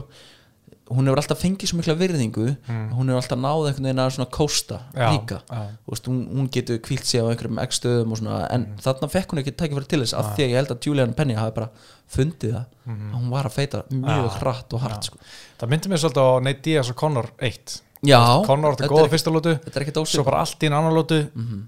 byrjar Nate Diaz að hitta þess og þá bara byrjar þólið að bara hrinja hjá Conor og hann bara gasar og tappar út í lótu þetta, er bara uppáldi ég hef hort á hann bara þetta- án þess að íkja örgulega svona 40-50 já, og ég, ég farin að horfa á þetta þá að ég kunni kommentari utan og hérna, veist, þetta er svo það er einmitt svona momentið sem að Nate bara fatta bara herri hann er að feita fokkin hart Já. byrjar að benda á hann, hlæja hann, Já. slappar hann og allt þetta dót, þetta er geggja sko. já, þetta var þetta var auðvitað geggjað en hérna ég, það er svona að tala um veist, hvað núnis veist, er, þetta er náttúrulega bara klassiska, veist, erfitt að vara toppnum Mm. þar sem þú far ferska áskorundir í hvert sinn og allir anstæðingar er að upplega bara stærsta barda lífsins Já. og þér er þetta bara svona another day in the office já, ég held að, ég mitt, ég held að þetta er, þú veist svo bara einhvern veginn endar þetta þannig þetta er minna motivation alltaf og Mhm. þú leggur aðeins minna á þig já, ert aðeins meira reckless Mhm. þú veist, ég held að þetta sé eitthvað, blanda einhver svona dóti sko mhm, og hérna mér, verið- ég held að þú veist hún hafi aldrei trúið á neinu tímpúti að þú veist allar eins og Murphy hérna þú veist já, hún hefur bara horta á þetta og verið bara "Tch, þetta verður ekkert veist en núna kom bara einhver svona smá hundur mhm, og, og hún var reklis og, mhm. þú veist, og bara er þetta stærsta uppsöti menn tala um Matt Serra Við förum í Já, það ok, eftir smá ok, stund. ok. Við förum í uppstötti Já, það er náttúrulega margt skemmtilegt þar sko. já, já, En hérna, mér fannst þetta líka sko uh, Svona smá með veist, ég, að, að Þetta var rímats Þá mun ég örgulega tippa aftur á núna sko, alveg þú veist. 100% 100% En svo hefur maður oft séð það sko, Þegar kemur eitthvað svona upset eins og Rose Namur Jonas Jonah J.J. Mhm. Sérstaklega hefur rótök Þá á maður að til að tippa aftur á veist, fyrir meistaran en svo kemur bara nýji meistaran bara búin að hækka sitt level bara umtalsvert eins og. Rós gerði sko Já, líka, þú veist, maður sá bara enda með Veili maður held að, að ríma sinn bara, þú veist maður einhvern veginn gerir ráð fyrir að Veili kemur bara á myndi einhvern veginn. Mm. reyna að keiri yfir hann en það var bara þú veist, ég veit ekki, maður hefði aldrei gíska á að Rós myndi vinna Veili tvissar Já, ég tippa Rós mér fannst það alveg svona að því Veili var búin að sína bara sko eins og á móti hérna Jónu þú veist, hún væri bara veginn. Mhm. en já, ég veit ekki mér, ég mun potið tippa á núna ef þetta verður aftur sko. Já, ég held það sko. En sko eitt að ég var að hugsa um countdownið Mm. Manst ekki í countdownið Hóra á countdownið núna? Nei, ég gera það ekki Þá var núna sko með einhverjum crossfit þjálfar eða crossfit keppandi Mm. sem var að taka þóli hennar í gegn mm. Sá gæi Það var Pró, mikið Prófillin hans var ekkert að hækka Nei. mikið þetta sko Hlutabrinu er rauð Já, Já, nei, ég sá þetta ekki það eru ekki margir að ringja hann bara Herru, hann komið sama prógram að núnes fekk fyrir hann bara Ég er til í það. Langar að döði í sjömyndur uh, Sko, rímatsi verður lengt hjá næsta ári. Það verður Er þetta ekki bara immediate rematch? Jú, ég held það, ég held að sé allir til í það. En ég ætla bara samt að segja segjum að sko mm, Núnes uh, get ekki bara stættur eða eitthvað, hún er meitið eitthvað. Mm -hmm. inn kemur Holly Holm. Holly Holm vinnur Julian Penja Holly Holm bandættameistari 2022 Er það spá? Er þetta spá? ég, ég ætla bara að segja það Já, ég held að stöðlin á að Juliana Penny haldi titlinum út 2022 sé mjög hár. Einhvern veginn, veist þetta er einhvern veginn svona meistar sem gæti bara mitt aldrei náð tilverð mögulega. Uh, Æ, ég Holly Holm meistari ég bara nenni í núl sko. mér finnst hún bara eitt leðalasti fætir á rostendum í dag. Já. En maður sé svona þræðir sem maður tala svona Give me your bold predictions 2022 Mhm, mhm. ég, ég sé svona margt ávert en ég hugsa að þetta verði mitt svona bold prediction. Kannski ekki það mikið bold en, en að að Holm verði meistari 2022 ég held að þetta ætti að vera segment í áramótabóbinni Já, ég held að við gerum það líka. Áramótabomban verði hérna já, það verður veisla. Já, í hérna annarkvært næstu viku, þar næstu viku eða á nýja ári, ég veit ekki, kemur í ljós. Já, kemur, fer, veltur á, á stjórnunum hérna. En bara farið að telja niður. Já, ég er og spennt verið spennt. Herra, svo var náttúrulega Keila Harrison, hún var meðal áranda Já. USA var eitthvað að reyna kannski að fá hana til að mæta Núnes í fjaru því að það vantar bara einhverja fyrir hana. Já, en allir hún sé ekki bara herra, Keila Harrison, hva, hvað ég gerir núna? Mhm. Herra, ég fara áfram í PFL að ég vinna aðra miljónu PFL ah, það er allt í alveg. lagi skilur, ekkert vesen sko það er meiri peningar þar sennilega fyrir hann og ég er svona törnamentum þægilegt líka bara. Já, einmitt. Þannig að, að ég- Pétur, ég, ég næ ekki að vera spennt fyrir því. Ef ég var alveg hreinskilin þú, þú vilt það ekki? Keila Harrison og Nei, ég sé hreinskilin Já, já. jú, ég að- Ég ekkert neginn næs ekki alveg. Nei, því Keila Harrison líka bara búin að berast í léttut sko í PFL sko, Mm. maður er svona er ekki alveg með á hreinu hversu góðan er líka anstæðingarnar í hérna PFL hafa verið misjætnar sko, Já. Þú veist, en hún er með 12-0 þú veist, gengi alltaf, alltaf bara mjög vel en hún, reynda, hún tekið eitt barða í, í fjárögt, það var í innvikta en hérna, að hún getur náða fjárögt sko, Mhm. en ég meina ég er samt alveg, veist, það er alltaf gaman að fá inn konur sem eru með eitthvað svona eins og uh, Rondakom eða veist, sem eru með búin að vera í bardættur út lengi, þú veist, Mm. ekki bara herri, ég hérna eins og með Juliana Penja, þú veist, með fullri virðing fyrir henni, hún byrjaði bara einhver aerobic kickboxi þegar hún tvítug fílaði þetta, Mm. fór í alveg kickbox fílaði það og fór í MMA og vildi taka barða, skilju, Mhm. þú veist, en Keila Harrison og Ronda að íþróttamenn sem var fimm ára, skilju, þú veist, Mhm. það er svona þú veist, eins og maður sér í mörgum kallaflokkum, allir þessi flestir í gæði búin að vera annarkvært í bóksi, kickboxi, judo, wrestling frá því voru fimm ára, þú veist, maður sér alveg það er águsturinn sem þeir eru að bera hennar, Já, sko. já. en margar þessar konur hafa svolítið bara dottið inn í MMA seint, Murphy hérna. Já, veist, hún var bara, Bara eitthvað mætt á aðeingum með sinni sinni með eitthvað og, ja, Þetta er ágætt. Já, skemmtileg sæfa alltaf, en þú veist Já, en það er svo mikill getur munur á þeim sem hafa verið, þú veist, eins og Kæla Harrison og Amanda Nunes byrjaði, tíu ára eitthvað í Jiu-Jitsu, þú veist, Mm. að judo, ég man ekki, og hérna, þetta er svona veist, ég vil alltaf sjá þetta, sko. Já, Þetta telur. Já, ég, ég er alltaf býð eftir að sjá fleiri svona konur komin sem eru búin að vera að æfa bardagþrjóttir frá því voru Mhm. Pínlillar Já, Það er bara greinlega aðeins sjálfkjafur á þetta já, hann er bara, já, En ég, einhvern veginn, þú veist, mér veist Juliana Penny er svona einhvern veginn manneskja og, svona karakter sem ég get alveg haldið með já, ég er einmitt akkurat mér- ég bara Er það? hann alls ekki Mér er það svolítið söl sko. já, já, ég bara, hún er ekki að gera mikið fyrir mig, sko. Nei. Það Þú er ert líka búin að spá nýju meistar á næsta ári Þannig að þú þarft ekki að hérna, býða lengi já, Eftir þú missið belti. En hérna sástu að Michael Chiesa var eitthvað blind fullur hann og datt Já. og fekk skurð á auga? Nei, ég sá, sá bara hann að í salnum en nei, ég vissi ekki hann hefði dottið eitthvað. Hann var að reyna að hlaupin í búrið þegar Já, já, ég sá vann. hann okkur á ferðinni í einhverju vídeo þarna. Já, þau eru, eh, voru einhvern liðsfélagar Mm. og hann hefði þetta heldur með henni og alltaf hlaupin í búrið og Hann verið hann, sáttur hérna. hann datt og fekk eitthvað skurð á auga.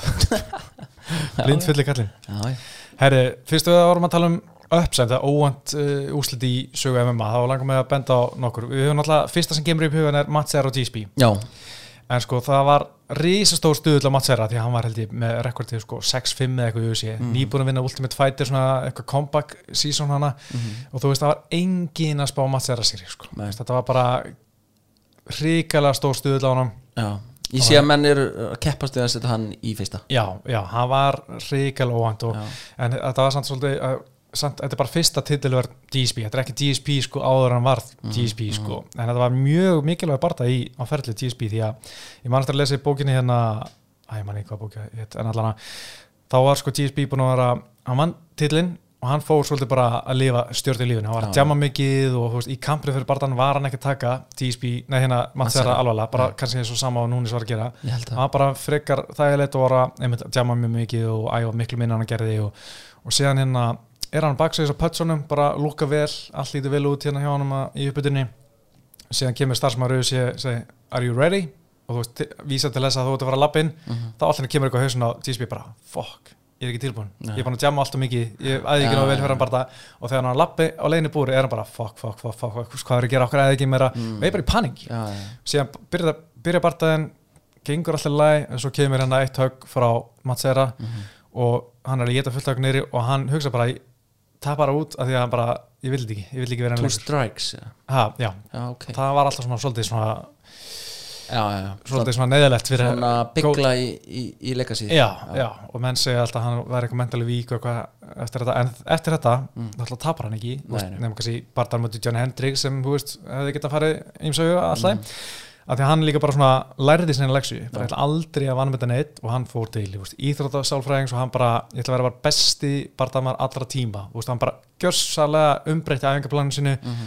ætlaði ekki bara að vera, þú veist góð fætir, heldur bara alveg íþróttamæður bara lifa eins og íþróttamæður og ég menn hann var alltaf að æfa með bestu bóksarum í Kanada bestu wrestlerum í Kanada, bestu YouTube-gærum í, í hérna Kanada eðust sem hann gætt fundi Mhm. Og bara smíða sér bara superkamp bara fyrir sína barða ég þannig fekk hann Stephen Thompson inn. Já, Stephen já, Thompson já. var bara einhver kardigæði hann fann hann, herri, ætla að koma að æfa með mér hérna fyrir einhvern barða, ég man ekki móti hverjum, tíu og ég man ekki einhver strækjar og Stephen Thompson bara, "Ha, ég ætla að fara að YouTube til þess að vera betri æfingafélag fyrir hann. Og Mhm. enda á að fara bara í MMA sjálf Já, sko, þannig að- og ég meina Matt Miller Matt Miller sem er nú hérna á Íslandi eða hvort hann sé farin, sem er wrestling Hann var í kanadíska wrestling landsleginu og þeir voru alltaf að æfa með DSP sko. Mm. þeir voru og enda Matt Miller á að fara inn í Campus DSP sem bara wrestling þjálfari sko, Mm. í gegnum kanadíska landslið og svona hann byrjaði að þróa sinn MMA glími stíl aðalega sko upp og fellir upp í búrið og með höggunum og, og sagði að þetta væri gjör ólíkt alvöru wrestling eða marga aðra breytur Mhm. en, en já, þetta var rosa uppsitt svo fannst mér alltaf gott uppsitt en Holly Holm og Ronda Rousey. Já, það var það. Það var Líka rosa bara hvernig það gerist. Það var svo mikið rúst. Algjörlega. Og þetta var líka sko, við vorum á bara peak Ronda mania sko, Var þetta í Ástralíu? Jú, þetta var Ástralíu, sko. Sko- Bara 70 manns eða 50 einmitt, bara eða- sturlaður fylgdi og þetta var svo styrla mikið hæp í kringu rondu, ég held að maður sé var svo fljótur að gleyma, ég var aðeins að rifja þetta upp núna. Sko bardaðin var tilkynntur official í Good Morning America sem bara eitt vinsalisti morgunþáttur í bandarækjunum þar sem ronda mætti bara yeah, I have my next fight lineup, eitthvað Holly Holm. Og ég manni var sko að fá mér að borða, ég var að skoða Twitter eitthvað. Svo bara Holly Holm á móti ronda rási, það er nú liðlitt maður fannst þessum missi teit þetta var annar rímat að hún var búin að vinna einhverja nokkar röð en hérna Holly Holm var hvað, 2-0 í auðsi þarna og allir barðana voru svona frekar mikil vombrið Já. það sem hann er sínt í utan auðsi hérna LFA, það sem hann var að headkicka stelpur sko, Mhm. að úst, var bara svona ah, eh, önnur sláturinn hjá Mhm. Rondu og líka þú veist Rond, hérna, Ronda kom eitthvað kvót, ég manni hvað það var, veist, Beyoncé Knowles var að kvóta í hana af einhver bóli með kvóti í Rondu Rási, þú veist, og var risa stór Já, þetta var bara rísa hæp í kringu Ronda Rousey, þú veist, það var stelpur sem klæðis upp, litla stelpur að klæðis upp sem Ronda Rousey Halloween og þú veist, þetta var bara alvöru bara íkon í bandarækjunum og þú veist, þess vegna voru allir bara ronda vinnir, eða þú veist, allir svona í mainstreaminu, þetta var margir sem svona eftir á sérsækjar sem sögðu, ég, ég er nú reynda að týpa það á hóli Já. þú veist, og allt í góðu með það, en hérna en þú veist, það bara bjóst enginn í þessum mainstream fjölmjöla heimi að ronda myndi nokkuð tíum tapa. Og hérna, og það bara voru líka svo dominant áraðn á undan hún var að armbara einhverja kellingar á mínútu eða og þarna var hann sko að koma að sigur hann að Besko Hea sem var hvað, mínútu rótöku eða eitthvað, 30 sekundur eitthvað, þannig að alltaf Besko Hea átti ekki breyk það er versti uh, titil uh, áskorandi í söguöfusi ásand kannski Laura Murphy og Chris Carriasso Chris Carriasso það fórum átti Dimitris Johnson ekkert allan, en að, já, þetta er svona, þú veist Ronda Mania var svo klikkaðslega stórt Mhm. og svo kom bara Holly Holm og pakkaði henni saman, sko, núla út allt sem Ronda var að gera já, og, Ronda kvarf líka bara í tvö ár. Það var bara slögt á lestinni Já. og henni var bara snúið við sko. Já, hún kom hana, já, 2016, lók 2016 á móti Amanda Nunes og þar var henni bara, bara, bara- endalega, þar var lestin sett í broti átt mesta barsmið sem ég sé, sko. Já, það var einmitt, ég man eftir svona þegar fyrsta höggi lendir frá aðmyndu þá bara þá sér maður bara, ok, hún vil ekki vera hann sko. líka tók ekkert promo neitt og Nei, bara mæta bara- viðtöl einmitt. og þú veist, það var fáralega. hún var bara, bara sett í broti ég það miður ég man alltaf eftir í Ronda Rósi var bara svo ógeðslega viðkvam allt inni eftir þetta tap bara gæti ekki sætt sig við að hún skildi að tapa og fannst þess að allir hafi snýri við sér þegar það var einhver mýma henn á netinu og bara gæti ekki tekið þessi nei. menn hún mætti í Ellen og eitthvað sem var eina viðtal sem mætti eftir Já, tapi var eftir. Ellen sko mætti, all, mætti ekki nein hún veitti ekki eitt viðtal við MMA fjölmiðil Já. eftir tapið við Hóli Hólm já, já. bara ekki hjá Helvani E ESPN eða neitt bara, bara sjána allan nema Ellen já, Ellen já, það eru náttúrulega góða vinkurar já, ok. En mér varst hérna að ég elskaði hækikið þarna hjá Holly. Já, þetta er svo falið. Já. Og svo allt í einu bara ertu bara átt sko. Það- sko, það var þetta var rosa gekkja mér dætti í hug bara, bara að því að þú ert með listan og ég er svona náttúrulega bara 6 ára í 7 ára í hérna bispingu þetta Já, Bisping Lúkur Rokkvall, Já. það var rosalega Já, sko. það var, var geðið eitt sko. Lúkur Rokkvall bara nýbúin að vinna Chris Weidmann og allir heldur bara að hann myndi halda titlinum í eitthvað tíma og Michael Bisping kemur nefnir tveggja vegna fyrir var Mhm. einhverju bulli, veist, bara, hann var ekki eins og að æfa, hann bara að æfa fyrir einhverja bíómynd sko. Mhm. og svo bara klárar hann í fyrstu lótu og ég var, var svo viss um að Lúkur Rokkvall myndi vinna, ég var að setja það ég var að hugsa bara svona og ég ekki bara setja bara allan penningi sem ég á. Bara águstan aðeins. Selja bílinn Já, þú veist, þetta bara allt undir að ég var svo vissum að Luke Rockholm myndi vinna Bisping aftur en svo kom þetta. Svo var ég með einn í huga sem var reyndar ekki fight sko. Ég man bara ekki hvað það var. Nei, ég er með fleiri sko. Já, hvað er það? uh, Fetor á móti Fabrizio Verdum já, að því ég man sko, hvað var, 2009 held ég sko. Ég man þegar það, sá bara að ég var settur það var allir ógeðsla fúlir út í hvað, Fetor og líka Strikeforce af hverju af hverju Verdum, af hverju ekki Alistair Órim? Allir voru að býja til Fetor á móti Alistair Órim en einhvern veginn var sá bara, bara aldrei að veruleika og menn var alltaf býða og engin vissi af hverju hann var ekki og síðan kom hérna Fabrizio Verdum og allir bara, ó, enn einn einhver lakklustir glímukall sem Fetor vinnur bara og ég þreytir á þessi nenni ekki horfa á þetta sko. svo bara kemur Verdum og hengir hann eftir eina mínútu og nýju sekundur í fyrstu loti, mm. triangle það var rosalegt episode sko. Ég, ég get ekki kommenta á þetta nei, nei. Uh, TJ Dillis og hennar bara á það var náttúrulega fyrsti tillabardaginn Já, það var sko hennar bara á búin að vinna eitthvað 30 bardaginn röð eitthvað já.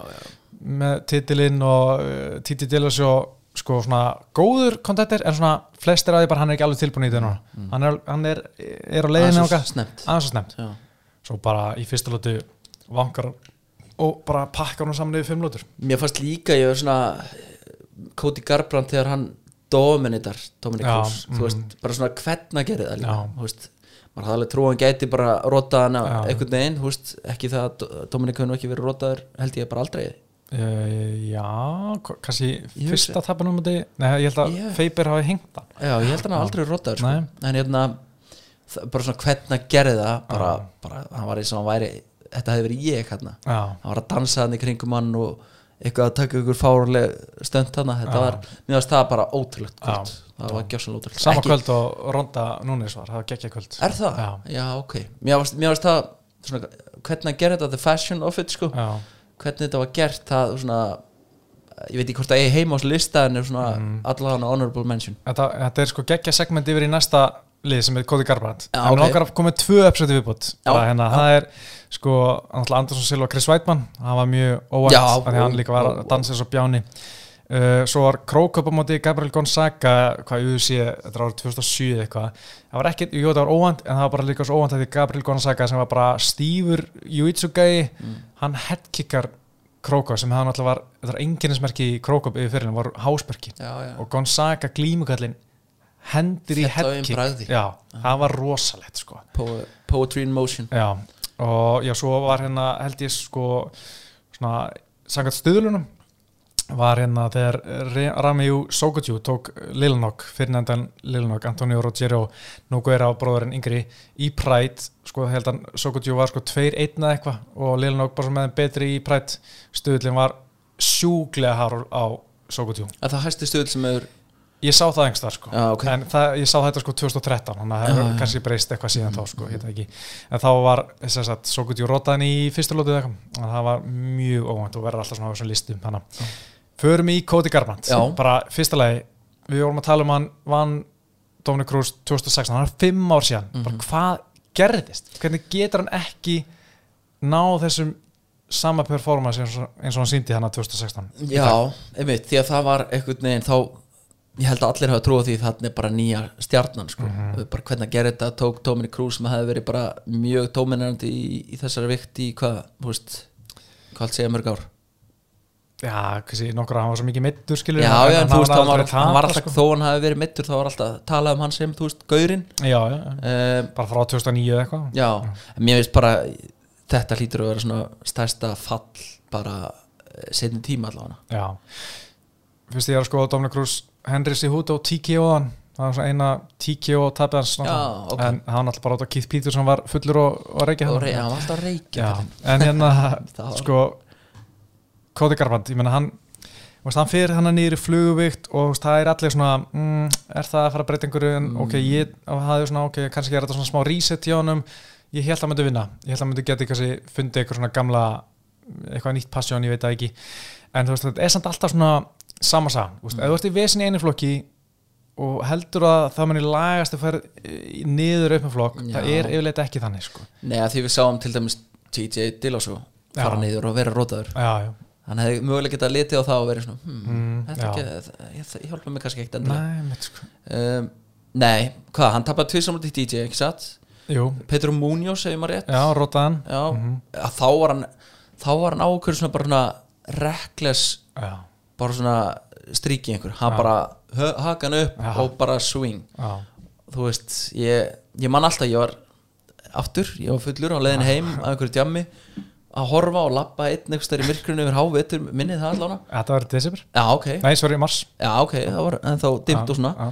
og hérna ég man ég var bara að horfa á þetta bara, hvað er hann að gera, þú veist, ég var fullur og samt einhvern veginn bara, þú veist hann var ekkit verri en Petro Munus eða hann hefði bara spilað taktíst Já, en auðvitað bara með hökunni uppi og bara steinrótaður manni. Sá bara raukt um leiðan fekk eitt höggis bara, bara sér hann raukt og bara veður í hann og Alveg- leather sko. já, þetta og hver, hver er, hann hefur tapað líka meira. Svo náttúrulega vinnur hann Hafal Asensjá í fyrra. Já. Svo tapum við Rob Font núna í mæ Og þá var hann bara svona eins og hann vissi ekkit hvernig þetta bregðast við löngu djabbi Nei. Hann bara, ó, hvað er þetta, ég aldrei séð þetta. Ótrúlega skríti en hann tapaði á mót, nei, vann hérna að svona sjá hann. Það var reynda geð Klikkar á þetta Klikkar á þetta, en- Svakalegt sko. þetta er ótrúlegt, ég, ég veit ekki veit ekki hvað þetta segja. Veist, ég ætla bara að segja, veist, ef hakaðin er spurningamerki eða veist, hvernig þú tekur högum mm. ekki fara niður flokk, Nei. það er ekki fara að hjálpa þér sko. ég man ekki eftir, manst þú eftir einhverju dæmi þar sem það hefur bara virkað? Þannig að sko ég reynda langt sinni sá það en það var búið að fara yfir sko alltaf sem hafa breytt um flokk mm. og hvort þetta hafi breytt einhverju svona með svona win- win-loss ratio. Mm. eina tilfelli sem var eitthvað svona alvöru dæmi í gangi var Alistair en þetta var sko 2014 sem ég var að lesa þetta þannig að röglega eitthvað breyst síðan þá en já. Órin fór upp í þungu eitt eftir að vera í léttungu eitt og það var að virka vel. Já, fara upp. Já, fara upp um flokk. Já, hann kannski hafði líka ramman í að verða bara hefur veit þannig að en þú veist fyrir Kóti að fara upp hefði kannski verið erfitt. Já, þannig að hérna, veist, það virkaði í því tilveki já. en mér finnst að þetta er bara ótrúlegt þú veist, uh, þegar hann vinnur Dominic Cruzan 2016 þá var hann veist með allt með sér. Með lúki, með attitúti hann er með hérna strákin Já, Maddox hann- já, Maddox, þú veist, sem var með eitthvað geggjusaga og hann var eitthvað með allt. Og maður var bara svona, herri, þessi gauður maður. Þetta er bara svona ég ætla ekki að segja Connor vibes en samt, þú veist, hann var með allt til þess að vera svona, kannski baby Connor já. fattar Að það senja svona eitthvað? Já, eitthvað þannig. Og hann að síðan þá bara, hvað er hann, 5-6 nei, hérna, 1-6 Já, 1-6, þetta er síðan Nei, það 1-5, sko. 1-5, Já. já, þetta er bara Þetta er rosalegt sko. já, En sko, eh, hann, Kai Karfrans var að tala um að hann fann bara, hann fannst að vera að vannmæta sig. Þú veist, á blamar að fundi fyrir var mm. Koti Garbrandt alltaf að gelta í hérna Sjóna Malley og þú veist, og hann var alltaf sko, kalla hann Steve þú veist, að ég, ég, ég held að sko sonur Koti Garbrandt heiti Kai. Hann vildi ekki kalla anstækki sinn saman að sonu sinni sem ég veit ekki mér, hverjum geti gerði mér sama. Ah, en þú veist, hann var eitthvað svona veist, hann, hann fann þetta herri, hann er bara vannmynda mig. Hann, veit ekki, hann veit ekki hvað ég heiti. Nei. hann er miklu frekar hugsa um Sjóna Malli heldur um mig. Hann, ég veit hann er vannmynda mig og hann var svona En veist, það var engin ástæð til að vannmeta hann því að mér veist, Kai bara geggjaði fættir mér veist, geggjaði gaman að horfa hann. Ég held að hann hafi ekki haldið að þetta var neinn ógn hana á okkur rótöki sko. Nei, hann, hann hefur ætlað að setja eitthvað statement hann í Já. og, og hérna, bara með því að vinna þennan og segja bara, herðust, það er nýr contender í þessari Og vík af hverju hann að gelta Sjóna Malli ef hann að berist í flug sko, Já, það er reyndar Við meikar það nú allir að, að, að Koti Garbat er nú ekki svona klárast í gæðin sem við höfum síðan Nei, þetta er ekki high IQ sko, er, hann er eitthvað rétt norðan við 100 Já, ég heldur að það náði það var Já, ég ætla að gefa hann eða hvað, bara 95 eða? Kannski sé bara tvekast á tölunni sko. Úf, það er kalt sko. Ah, ég, sorry, ég bara, Já, ég meina uh, það er kannski bara, hann er lélug kannski í svona einhverjum málskilningi. Kannski Mm. er hann góður, veist, í ég veit ekki, eitthvað svona starfæraði þrautum Nei, Nei. veist, ég held ekki Hann er hérna þú veist, En- Ég held sé ekki með góða rýmisgreind Nei. með að við, þú veist, þessi eh, long jabs hann, þú veist Já, já. Uh, Nei, ég held að hann sé bara í brasi við þurfum að henda honum í test bara fá 92, það. ég setja bara já. 92 sko, hvað er næstur Koti, er hann á leiðinni í FC? Úf, ég bara Mér langar ekki eins og hugsa. Nei, Hvað er næst hjá hann Þú veist, er hann á eitthvað eftir að samningi ég, ég þekki ekki já, Nei. En þú veist, greiði kallinn ég uh, Hakan er farin Ef hann var ekkert með já. Þannig að, æ, ég veit það ekki það, veist, þetta er bara sorgarsaga Já, þetta er svolítið erfitt sko. En uh, sko, við erum búin að vera hana komin vel yfir klukkutíma sko, að við erum að fara að gefa hans í mm -hmm. uh, Alltaf Jeff Neal vann Santiago Ponsinibio bara Já. í ágætis barda Já, já, þetta var allt í maður lagi held kannski að þetta var aðeins meiri flugöldasinning en Ponsinibio fannst mér bara ekkert góður og, en ég ætla samt að gefa ein velun hérna, Já, bara dómar ársins. Að Mark Smith að því hann var alltaf Watch your fingers. Já, Mér finnst það samt pyrrandi Já en hann, Ponsinibio var með puttan alltaf Ég veit náðu það, ég, mér finnst bara pyrrandi að við ekki verið adressa harðar sko. Því Já, að- já, já. af því að við þekkjum söguna Já. mjög vel. Og mér finnst líka pyrrandi að hérna, kommentator teimið uh, TC, þeir töluðu ekkert um Söguna? söguna. Nei, mér finnst það pyrrandi því að hann, þeir töluðu um, hann var alltaf búin að ég veit ekki hvað, aðvar hann kannski fjóru sem ég fæ barðanum með eitthvað. Allan að tvisa stoppar hann bara Já, hann, hann talaði nokkuð, talaði Watch your fingers, Mhm. Ponsinibio eða hvað hann sagði, Santiago eða eitthvað. En finnst svona, þú veist, þeir eru svona adressu þetta, þú veist hann er alltaf að vara við. En þú veist, það er mátt segja, þú veist, hann er þekktu fyrir þetta, Mhm. Bla bla bla dirty fucking Mm, Könt cunt lef, það má þe- þegar hann er Já, já. en þetta var ég var að tala við mann mjög tengdum Gunna um daginn, bara á föstudaginn fyrir kartið, eh, nei á miðvikudaginn Mm. þá sagði ég að besta sem geti gerst væri að Ponsinni bjómyndi tapa í decision og mögulega geti við fengið hann í mars en Já. ég veit að Ponsinni bjór aldrei fara að gera það sko. Nei, hann segir bara nei já, Já. ég veit að, bara- við fáum þetta aldrei sko. En hérna, hann vill ekkert gefa færa á að Gunni komi og, og s- sækja hefndina. Nei, en hérna, ég var mjánað með þetta að hann myndi tapa. Já, ég líka.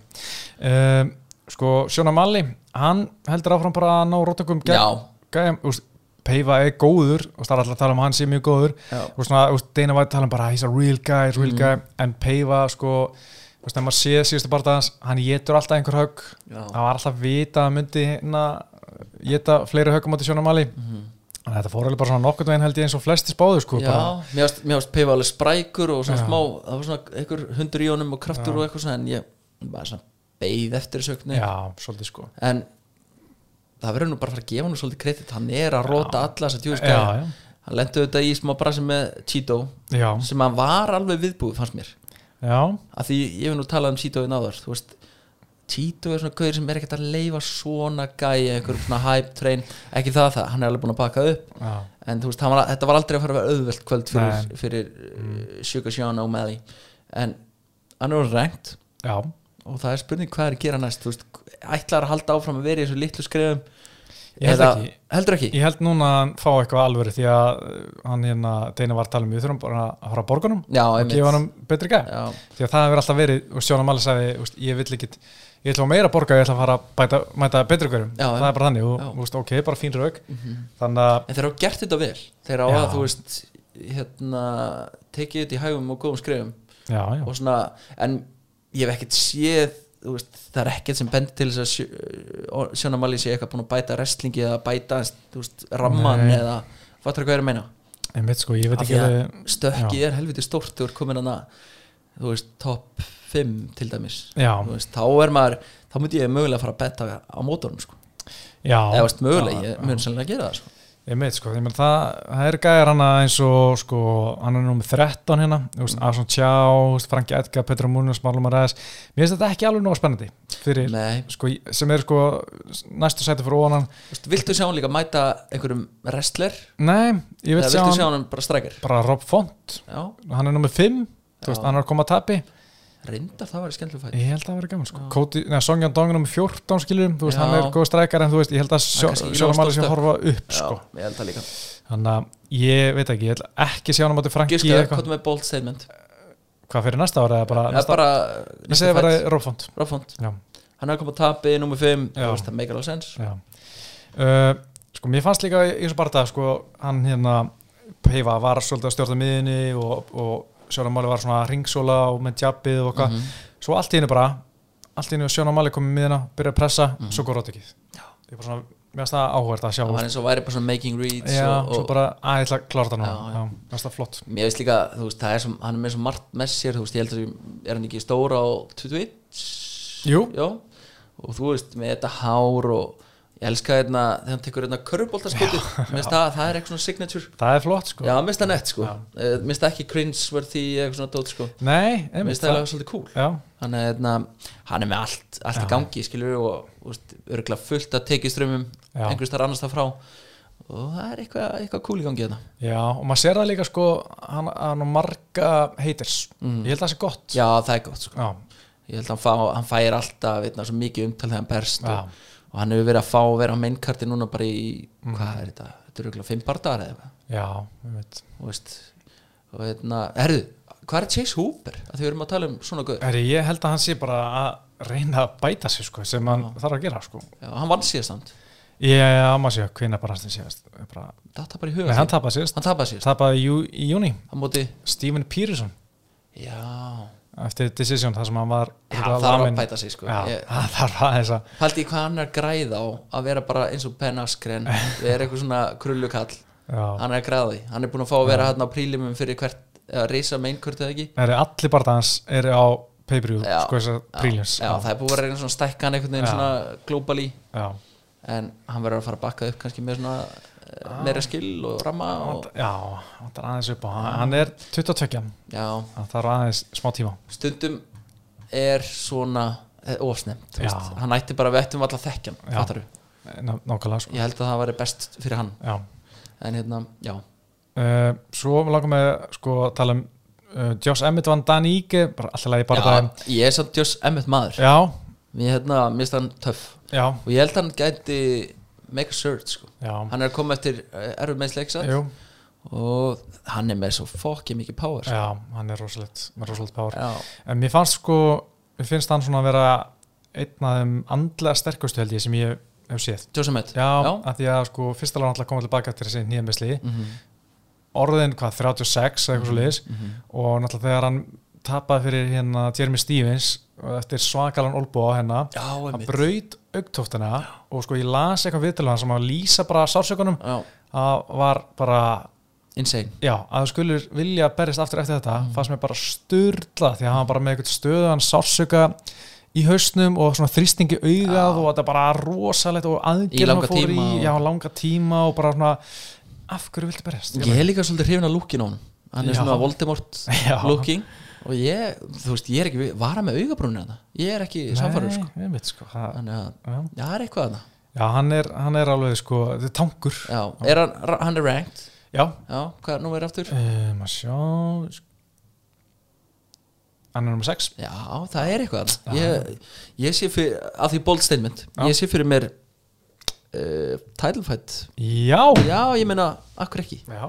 Ég ætla að skoða þetta, ég, þetta verður í áramátabókni Já, en já, hérna, það það getur verið, vel verið að ég komi með þetta þá. Já, sko Dominic Cruz og Petra Munoz, það var Já, það var og það. aftur sko þegar Petra Munoz sko kýlda niður hann í setna skipti það var bara að nú er þetta já, búið. þetta, þetta var Þá, ég held maður að væri bara hann fekk líka ekstra tíma. mjög góðan tíma. Já, og ég meina Dominic Cruz uh, hvað, 36 ára? Mm. nú er þetta búið hjá hann sem top, top sko? tapa á prílim nein, hann kom bara tilbaka og, og vann sko, bara fáralega vel gert. Er bara risa respekt á þetta. Ég, veist, hann fekk ekstra tíma og Já. einhverju dómar hefðu verið búin að stoppa þetta. Já, til dæmis Keith Peter- Peterson til dæmis, Örgulega blindfullur. Með ré- réttu í Já. en hérna þetta, þetta er eitthvað svona þetta er náttúrulega, þú veist, gamall hundur Mhm. Dominic Cruz búin að með mikla reynslu og mikið fight IQ og bara IQ yfir höfuð, ég held að þetta sé vel greindur gæi, já, hann einhvern veginn djö, mjög, mjög mikið respekt á hvernig hann vann sér tilbaka og, og klára þetta. Heldur betur. Mér fannst líka viðtalið við hann í búrinu skrítið. Aftur, Must- af því að mannstu það vann síðast þá tók hann eitthvað monstergurinn Já, alveg rétt. Já. Vá, ég er bara að glemma því sko. og þetta var bara einn af svona fyrstu talking pointunum við vinn minn sem að við, við tölum alltaf saman eftir hvert kart. Ah. svona daginn eftir. Og förum yfir, förum yfir málin. Þetta var svona eitt af fyrsta sem bara góma hjá okkur. Já, we must stand eitthvað must, together. must come together. Já, Hvað var hann að meina? þetta er ég, ég, ég hugsaði strax eitthvað anti- anti-vax Já. eitthvað anti-covid en svo var hægt að snúa við og þú veist var hann að meina allir ættu að að fara í sprautu Já. og, og hlýða þú veist það, either way sko hann Já. gaf ekkert upp Ég veit ekki, sko, ég séð mynd af ekki, hérna Dominic Cruz í ból sem sendur á Coviriot og sem er svona skýring svona eins og já. og það er svona bí, bí, eitthvað svona sheep sem bara gerir allt sem bara the mainstream media segir og svona bara, já.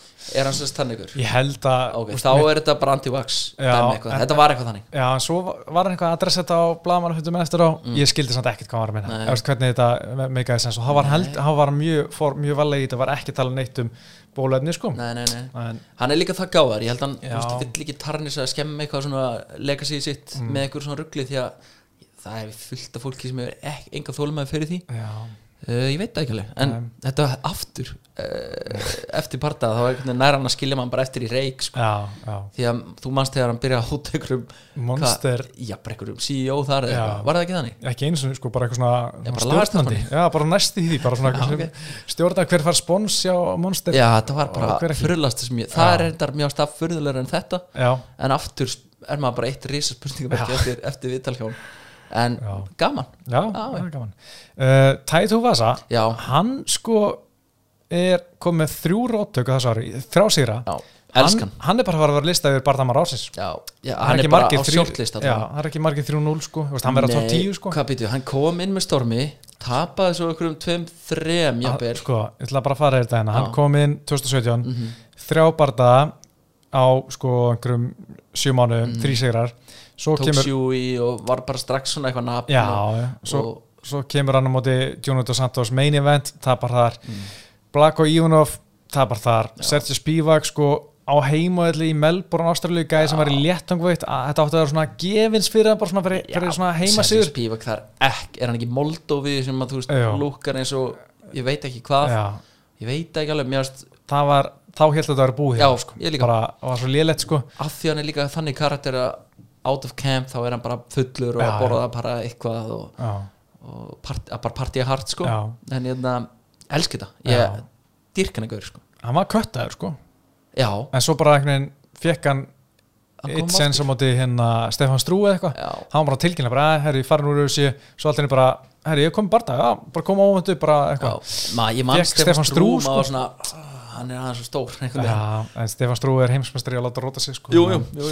Hann tók hann í fyrsta lúti þannig í oktober í fyrra Jú. Svo kemur hann Harry Hansöker í mars Rótök í fyrsta lúti, 49 sekundur sko. Mm. Svo kemur Greg Hardy Rótök 10. júli, já, 1 minúta 7 sekundur Það var geggjað sko. Ég held að allir hafi elskað það já Svo kemur Augusto Sakai 11. desember núna Mhm. annar lúti Mér finnst það ekki Já. ég, ég er á lestinni sko. Já. Og ég var eitt, eitt fyrstu mann á lestina sko. Já. Þarna uppalega Já, Sjú í dóti er eitthvað sem náði mér. Já. Þetta er beint, hérna, beint í hjarta mitt. Þannig að hérna, ég er harður lestin Ég held hann sé eitthvað svona aðeins búin að taka til í, í hérna, lífverðni já, ég vona það. Ég held það, ég, mér, mér svona, finnst eins og ég hef lesið eitthvað en, en hann var náttúrulega að fara að partíja mjög hart hann í Las Vegas hann, hann sagði það nú bara í viðtalinu sko.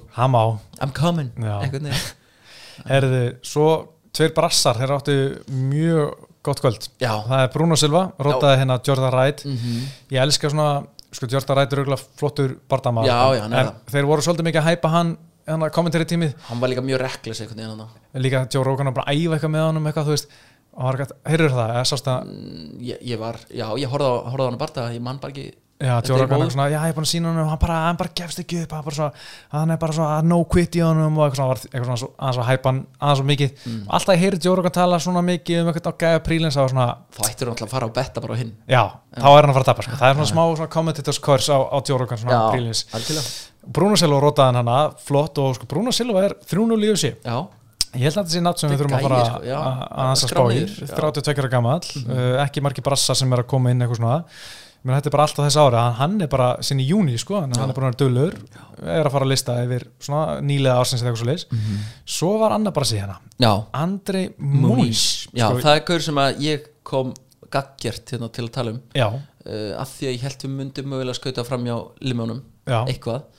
En þrjú arbæri röð handlegsbröð sjakari, já, þvílíkur rammi og með þetta unorthodox hérna arbar ekki satt. Mm, Hvern- já, ég veist, hvernig hann gerir það, aðeins öðruvísi heldur Já. en þetta venjulega? Já, en svona maður sér þetta ekki mikið í ef við maðurlana en, hérna, en það er bara mjög vel gert allan hvernig er að klára Sjekari og núna er Ganders.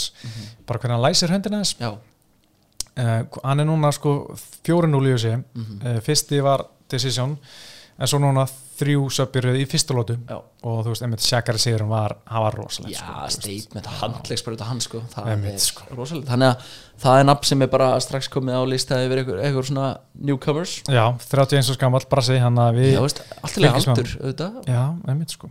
Þannig ég er spenntur sko, já. ég er spenntur. Uh, Erik Anders er samt svona gauður sem ég hef enga tíma fyrir. Nei, nei, nei, nei, ég er bara mjög ánæður að hann sé búin að tapa sko, því að hann má tapa sem oftast og fara eitthvað annað, mér já, finnst hann leiðilegur sko. Var hann ekki NFL-gur?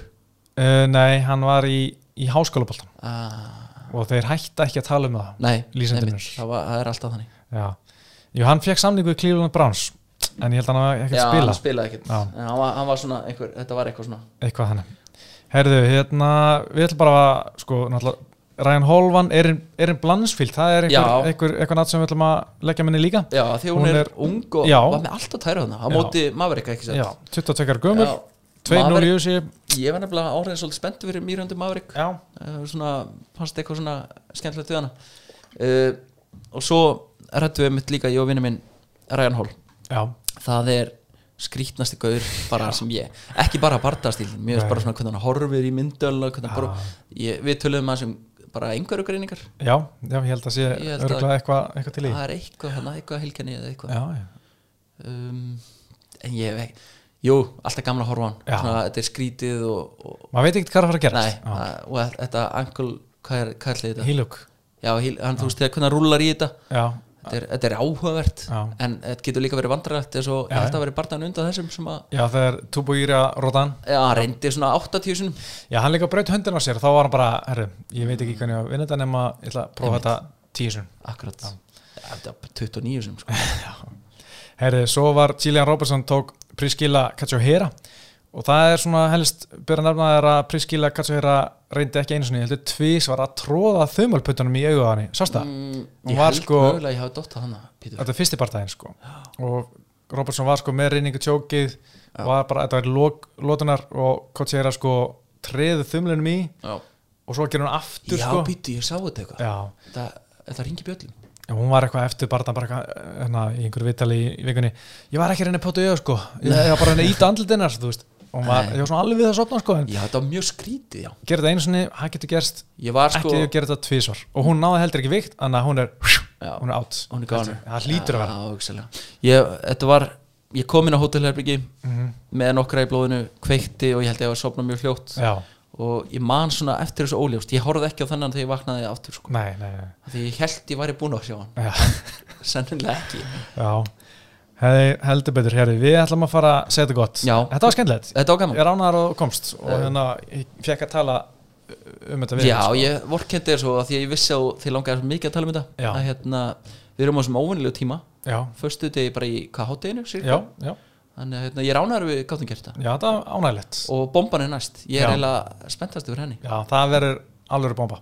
Og það verður líka minna fólk á hérna Derek Lewis Krist Áskas um helgina. Já, Það er Halldórs Já. Tókas hvað, ef við kíkja á stöðlana já, ég held að Derek Lewis er favorit sko. Já, en ætti hann að vera það? Ég veit að sko er, er mögulega valjú þetta já, aldrei að vita sko Stephen. Thompson er hann líka móti hérna Bilal Muhammad það sem ég á mm, ekki samilegt með ykkur að ég er actually ágætis bettari sko. já, Krist Áskas er favorite 1.72 Ó, ok. money to be made sko. já uh, Pítur Stephen Thompson Bilal Muhammad Já. líka já, já, oh, Angela Hill aðja herru, Darren Elkis Kaup Svonsson já, það verður blóð það verður veistla þetta er gott kart. Já.